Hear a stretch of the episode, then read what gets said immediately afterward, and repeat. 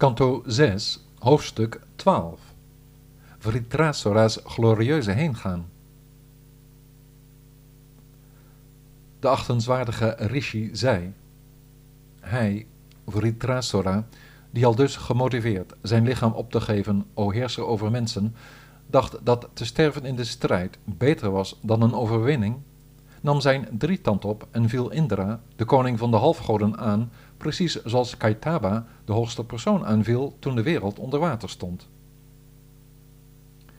Als was hij het vuur aan het einde van de yuga, slingerde de koning van de demonen met veel kracht de scherp gepunte drietand rondtollend naar de grote Indra, terwijl hij zeer kwaad luid brulde: Dood ben je, jij grote zondaar!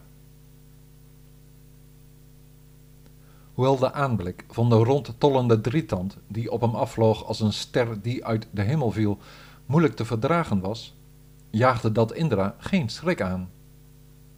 Met zijn bliksemschicht, met een honderdtal haken, sneed hij hem, zowel als de arm van Vritra, die leek op het lijf van de slangenkoning, in honderd stukken.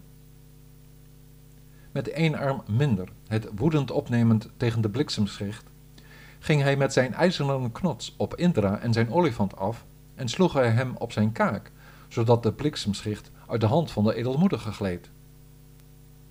Die grootse en wonderbaarlijke prestatie van Vritra werd geprezen door de goden, de demonen, de zangers van de hemel en de associatie van de volmaakten, maar, zich van het gevaar bewust waarin Indra verkeerde, lamenteerden ze oprecht. Helaas, o helaas!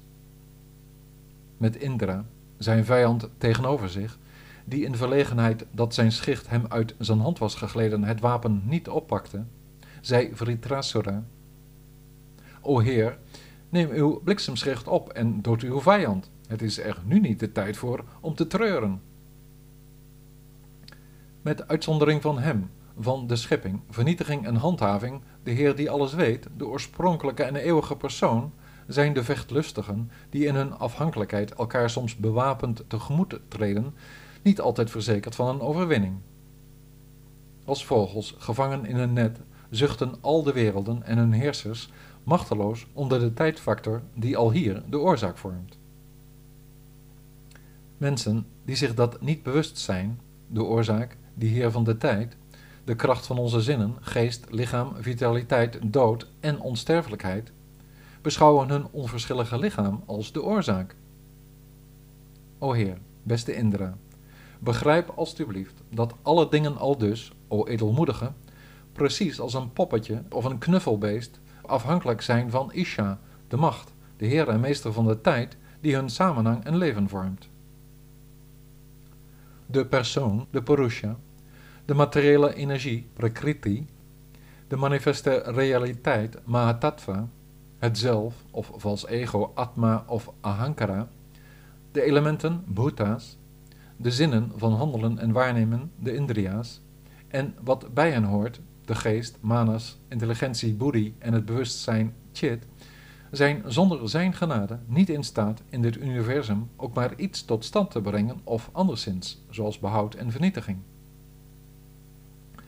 Als men geen weet heeft van de Heer, de tijdfactor, beschouwt men zichzelf, hoewel men volledig afhankelijk is, als degene die de touwtjes in handen heeft. Maar het is Hij die de wezens schept middels andere levende wezens, en het is Hij zelf die ze via anderen verslindt. De zegeningen van langlevendheid, wilde, roem en macht manifesteren zich voor een persoon als de tijd er rijp voor is, zijn tijd. Precies zoals zich ook, zonder dat men ervoor kiest, het tegengestelde voordoet. Daarom moet men gelijkgestemd zijn wat betreft eer en schande, overwinning en nederlaag, lijden en geluk en sterven en leven. De geaardheden goedheid, hartstocht en onwetendheid vindt men met de materiële natuur. Het zijn niet de kwaliteiten van de geestelijke ziel.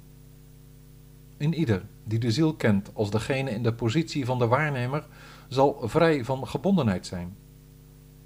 Kijk mij nu eens, verslagen in de strijd met mijn wapen en arm eraf gehouwen, o vijand, doe ik nog steeds mijn best u naar het leven te staan. In het spel van deze strijd vormen onze levens de inzet. De pijlen zijn de dobbelstenen, onze draagdieren zijn het spelbord, en het is niet bekend wie er wint en wie er verliest.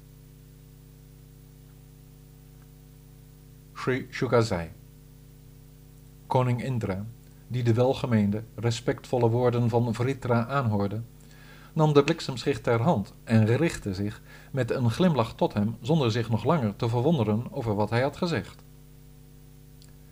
Indra zei: O Danava, met het bewustzijn waar je nu blijk van geeft, heb je de perfectie bereikt. Je bent een toegewijde volledig gefocust op de superziel, die de grootste vriend en heerser van het universum is. Je bent erin geslaagd de Maya van Heer Vishnu te boven te komen, die de gewone man een rad voor ogen draait.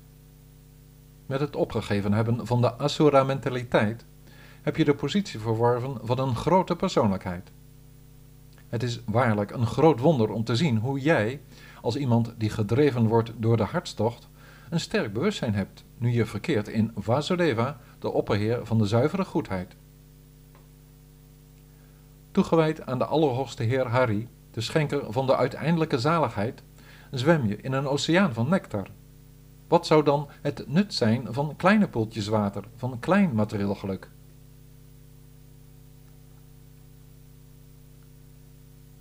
Sri Shukazai Na al dus te hebben besproken wat het dharma allemaal inhoudt, o koning, hervatten de grote legeraanvoerders Indra en Vritra, die volledig aan elkaar gewaagd waren, de strijd. Vervaarlijk met zijn ijzeren knots zwaaiend, wierp Vritra, die een kans zag om zijn vijand te onderwerpen, hem met zijn linkerhand naar Indra, o beste van de koningen. Maar de halfgod sneed met de Shataparvana, de honderdhakige bliksemschicht, de knots aan stukken, als ook de hand, die zo sterk was als de slurf van een olifant. Getroffen door Indra, de drager van de schicht, kwam hij, hevig bloedend, met de vleugels van zijn armen vanaf de wortel van de romp afgesneden, als een berg uit de lucht vallen. Dankzij zijn grote levenskracht en ongewone talenten was de demon in staat zijn onderkaak op de grond te zetten en zijn bovenkaak de lucht in te steken, zodat zijn mond een gigantische opening werd. Met een tong en tanden als van een angstwekkende slang die een olifant wil pakken, leek het alsof hij, als de tijd zelf, de drie werelden met zijn groteske lichaam wilde opslokken. Stampend en de aarde schuddend, bewoog hij toen zijn voeten alsof ze de Himalaya's waren, waarna hij, al dus Indra bereikend, hem compleet met bliksemschicht en draagdier verzwolg. Toen ze hem door Vritra verzwolgen zagen, weeklaagden de halfgoden samen met de stamvaders en de grote wijzen zeer bedroefd Helaas, wat een ellende. Hoewel hij opgeslokt was door de koning van de demonen, ging hij niet dood in zijn buik, omdat hij, daar beland, beschermd werd door zowel de hoogste persoonlijkheid als door zijn eigen yoga-vermogen de illusie te bezweren. De slachter van Bala, de machtige, kwam eruit door de onderbuik met zijn bliksemschicht te doorboren waarna hij met veel kracht het hoofd van de vijand eraf sneed dat leek op een bergtop. Maar toen de schicht, om het hoofd eraf te krijgen, in zijn geheel snel om de nek heen draaide om die door te snijden, duurde het net zoveel dagen als de hemellichten erover doen om zich over beide zijden van de evenaar te bewegen, een jaar, voordat het hoofd eraf viel. Op dat moment weerklonk in de hemel het geluid van de pauken van de hemelbewoners en de vervolmaakten. Samen met de heiligen die zich hadden verzameld, vierden ze de prestatie van de winnaar Indra door verheugd hem te prijzen met verschillende mantra's en een bloemenregen. Uit Vritrasura's lichaam kwam het licht van zijn ziel tevoorschijn, o onderwerper van de vijanden, dat voor ogen van al de goden de allerhoogste verblijfplaats bereikte.